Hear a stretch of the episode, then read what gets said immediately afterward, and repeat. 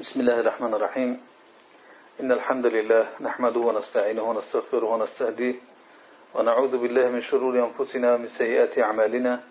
ما يهده الله فلا مضل له ومن يضلل فلا هادي له. وأشهد أن لا إله إلا الله وحده لا شريك له. وأشهد أن محمدا عبده ورسوله. أما بعد. السلام عليكم برادران أهل الإسلام ورحمة الله وبركاته. صحبت چند لحظه ما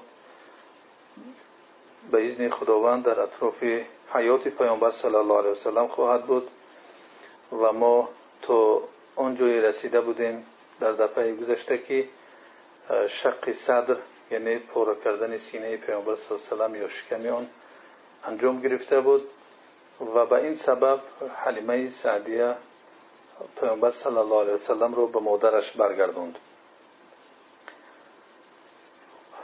این حادثه هایی که گذشت یا تا اینجا که آمد چی حکمت ها داشت یا اینکه از اینها چه عبرت ها می توانیم ما به دست بیاریم؟ ما امروز سری درس هایی را که یا عبرت هایی را که از این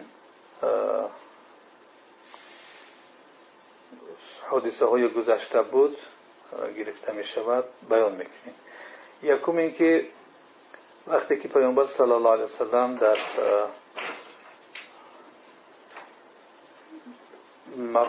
قوم حلیمه سعدیه بود یکم این برکت پیامبر صلی الله علیه وسلم بر خودی سیده حلیمه سعدیه. برکت برکت وجود پیامبر صلی الله علیه وسلم بر حلیمه سعدیه در هر چه ظاهر شد. اول اینکه در اینکه خود او شیرش کم بود و پسری داشت که آنها را شب خواب کردن نمیماند زیرا که شیرش کمی می‌کرد و او از گرسنگی شبها بسیار گریه و واویلا می‌کرد و اینها را خواب رفتن نمیماند. به مجرد آنکه پیامبر صلی الله علیه وسلم در دامن حلیمه سعدیه قرار گرفت. یعنی پستان او بسیار شیری زیاد کرد که هم پیامبر صلی الله علیه وسلم خورد و هم برادر رضایی او.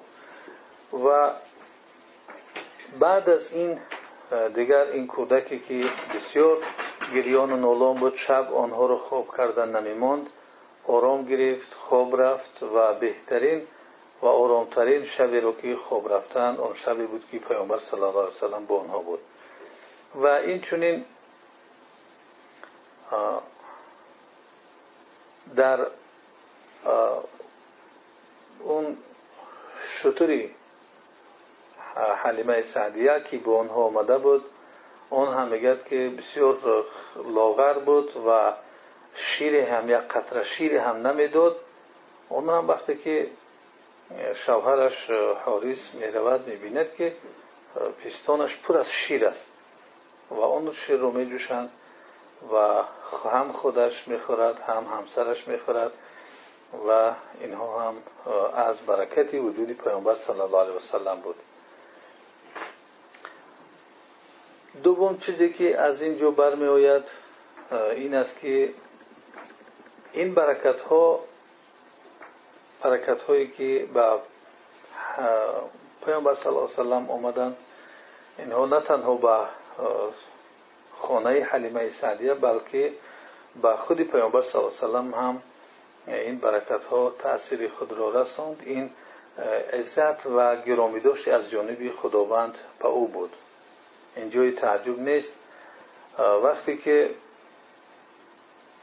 خانواده حلیمه سعدیه دیدند که این گونه برکات به سبب پیامبر صلی الله علیه وسلم به خاندان آنها آمد. از این رو این اهل خانواده این تفلک را بسیار دوست داشتند. نسبت آن بسیار مهربانی می‌کردند. رفتار و معامله بسیار نیکو با او داشتند. آن را پرستاری خوب می‌کردند. و بسیار با او با رحمانه رفتار می نمودند این هم سببش همون برکت هایی که به سببش سببش اون بود که الله سبحانه و تعالی سر اونها برکت های رو به خاندان حلیمه آورد و از این رو این کودک رو بسیار دوست داشتند و با او مناسبت معامله خوب می‌کردند. دیگر اینکه سوم الله سبحانه و تعالی هر چیزی رو که برای بندهش اختیار می‌کند این برای بنده با برکت تر است. این برای بنده افضلتر و بهتر است. ببینید که الله سبحانه و تعالی برای حلیمه این طفل یتیم رو اختیار کرد. در حالی که حلیمه سعدیه این طفل رو با رغبت و خواهش زیاد نگرفته بود بلکه از آن جهت گرفت که خودش هم این رو آشکارا گفته بود که دیگر کودک پیدا نکرد. زیرا پیامبر صلی الله علیه به همه آن زنهایی که از قبیله حلیمه سعدی آمده بودند برای همه آنها پیشنهاد شده بود ولی آنها او را قبول نکردند چون فهمیدند که پدرش وفات کردگی است پدر ندارد یتیم است. از این رو آنچه که الله سبحانه و تعالی برای حلیمه سعدی اختیار کرد این بهتر بود. یعنی اختیار الله سبحانه و تعالی بهترین اختیار بود برای او. نتیجه های این اختیار از دقیقه های اولی که حلیمه سعدی آن را گرفت از همون ظاهر شد. که هیچ خیلی که در قصه گذشت. از اولین لحظه ها این اختیار اختیار خوب بودنش برای حلیمه سعدی نمودار گشت. و این برای هر یک مسلمان درس است. تا اینکه قلبش به تقدیرات الهی به اختیار الهی اطمینان یابد آرام بگیرد. الله سبحانه و تعالی وقتی که برای بندهش یک چیز رو مقدر می‌کند یا که برای او یک چیز رو اختیار می‌کند انسان مسلمان باید که قلبش به آن آرام بگیرد و به آن راضی بشود و بر آن چی که گذشت پشیمان نشود و بر آن چی که خداوند برای او تقدیر نکرد پشیمان نشود که چرا برای من این چیز مقدر نشده است. زیرا اختیار الله سبحانه و تعالی برای بندهش با برکت ناکتر و بهتر است. دیگر درسی که ما از این حادثه ها گرفته این است که تأثیری بادیه صحرا در مورد سلامتی بدنها و صفای نفوس انسانها و ذکاوت تیزی عقل انسان. یعنی بادیه و صحرا برای سلامتی بدن انسان برای نفس انسان را به صفا رساندن و این چنین عقلی انسانی به ذکا رسیدن تأثیر دارد شیخ محمد غزالی در این باره می‌گوید که نشع نمای کودکان در صحرا در جایی که اون در آغوش طبیعت هستند و در صحرا بود و هوای بسیار صاف را نفس می‌کشند. از آنجا شعای آفتاب مستقیما برای انسان خوب می‌رسد و از همه گرد و غبار و از همه غوغای شهرها دور می‌باشند. این حالت انسان را به تزکیه فطرت فطرت انسان را پاک می‌سازد. اعضای بدن او مشاعر او بسیار نشع نمای خوب پیدا می‌کنند حتی افکار و اندیشه انسان بسیار به یک شکل آزاد نشع نما مییابد. و علاوه می‌کند شیخ محمد غزالی که این از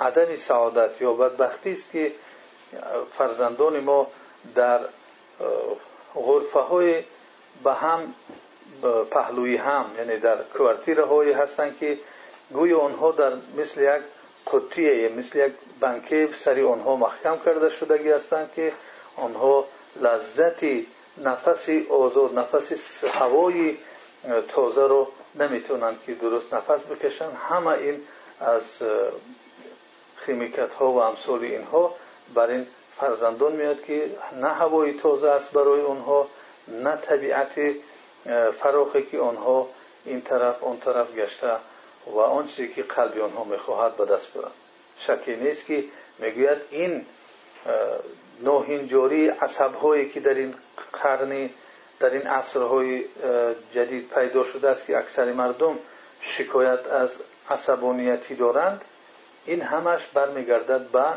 دوری از طبیعت. و فرو رفتن غرق شدن در هر یک چیزی که ساختگی است. ساخته شدن نه طبیعی بلکه ساخته از و اهل مکه در این طبیعتی که داشتن در این عادتی که داشتن که فرزندانشون رو به اون دشت ها به اون صحراها می بودن تا اینکه در اولی حیاتشون نمای خوب پیدا بکنن. بسیار عادت خوب بود و بسیار دانشمندان علم تربیه هم می‌خواهند که یعنی مکتب اول کودکان در طبیعت باشد.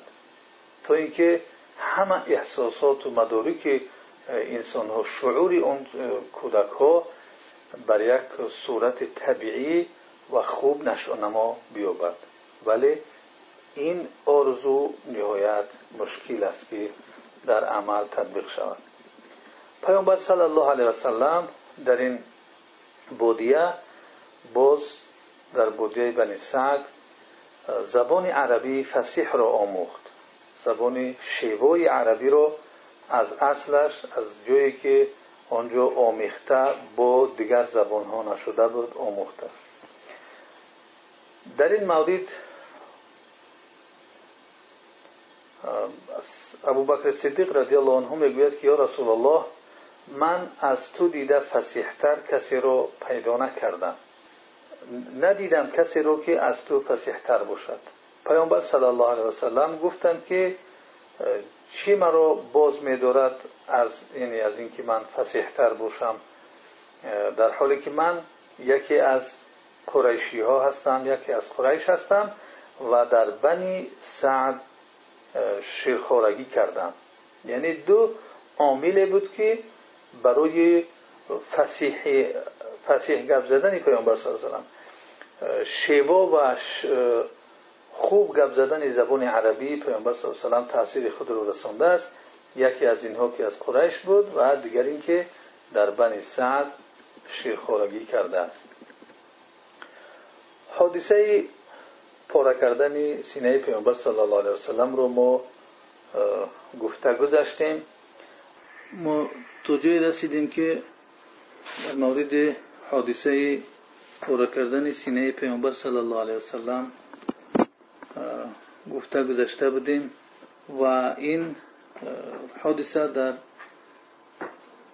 صحیح مسلم روایت شده است از انس ابن مالک که چگونه پیامبر صلی الله علیه وسلم به نزدش جبریل علیه السلام و در حالی که او با کودکان بازی می‌کرد او رو گرفته به زمین خواب کرد و شکمش رو پره کرده قلبش رو برآورد و از آن یک خونی لعل بسته رو استخراج کرد از بیرون کرد از قلب پیامبر صلی الله علیه و گفت که این نصیب شیطان است از تو. سپس آن رو در یک تشت طلایی با آب زمزم شست. سپس بار دیگر آن را به حالت اوله با هم پیوست کرد طرف های آن را و به مکان خود بازگرداند و کودکان دویده آمدند به سوی مادرشان و گفتند که محمد را محمد کشته شد یعنی گمان کردن. یعنی آنها گفتند که محمد صلی الله علیه وسلم کشته شد و وقتی که اینها رفتند دیدند که رنگ رویش پریده است و به همین سبب او را به سوی مادرش برگردانیدند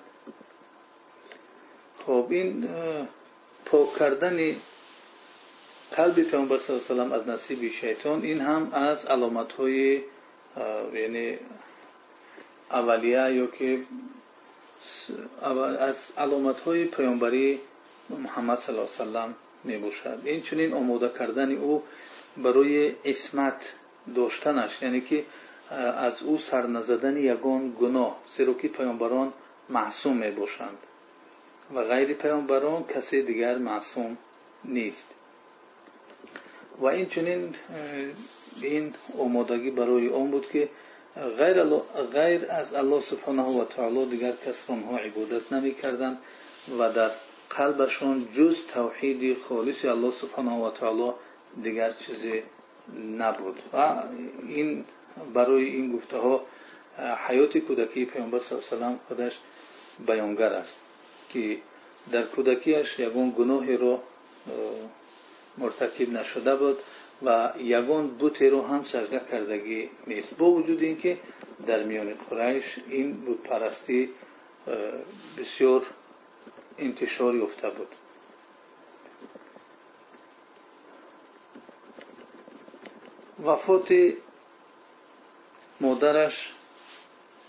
و کفالت او گذشتن به بابایش سپس به عمکش. مادر پیامبر صلی الله علیه وسلم وفات کردند در حالی که پیامبر صلی الله علیه وسلم شش سال داشتند. و وفات او در منطقه با نام ابوا مابین مکه و مدینه وفات کرد. و این بعد از آن بود که تقایهای پیامبر صلی الله علیه وسلم را از بنی عدی بن نجار زیارت آمده بودند که بعد برگشتن در راه مادرش بیماریش سخت می شود و وفات می کند و در ابو به خاک سپرده می شود بعد وفات مادرش کفالت او را بابایش عبدالمطلب به عهده می گیرد و در کفالت او زندگی باقی مانده را پیامبر صلی الله علیه و به سر می‌برد و بابایش عبدالمطلب او را نسبت به فرزندانش بیشتر دوست می داشت و او را او را نسبت به آن عمکهایش که برادران پدرش بودن برتر می دونست و یک فرش داشت یک که همیشه بر روی او می نشست و فرزندانش در اطراف اون قالین می نشستن. چون عادت داشتن که یگان فرزندش عبدالمطلب رو بالای او نمی نشست. ولی پیامبر صلی الله علیه وسلم چون می اومد به اون مجلس می اومد صلی الله علیه وسلم چون به اون مجلس می اومد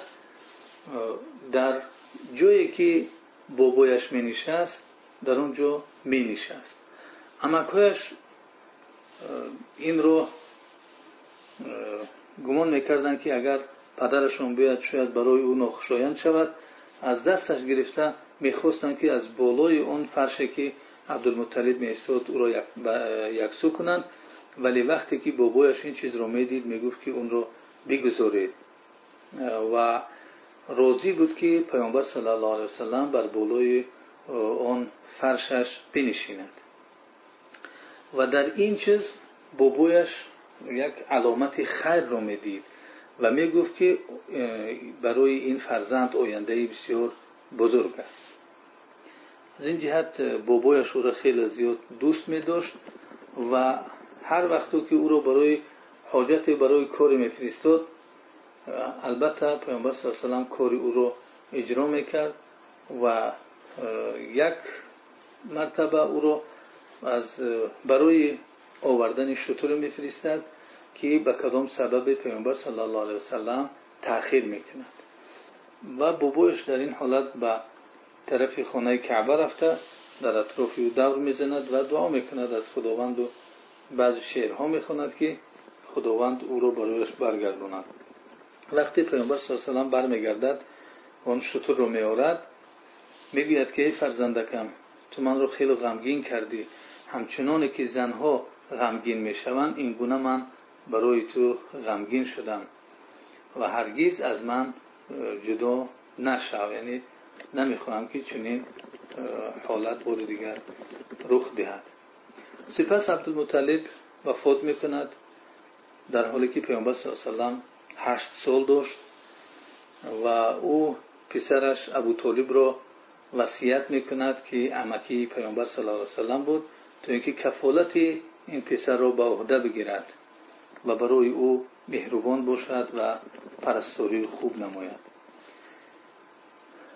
این خواست این خواست و این حکمت الله سبحانه و تعالی بود که پیامبر پیامبرش را الله سبحانه و تعالی در حال یتیم بودن یعنی نشو نما بتید و عنایت او را خداوند می‌خواست که تنها خودش بگیرد. دور از دست دیگران. تا اینکه او را یعنی چگونه که می‌گویند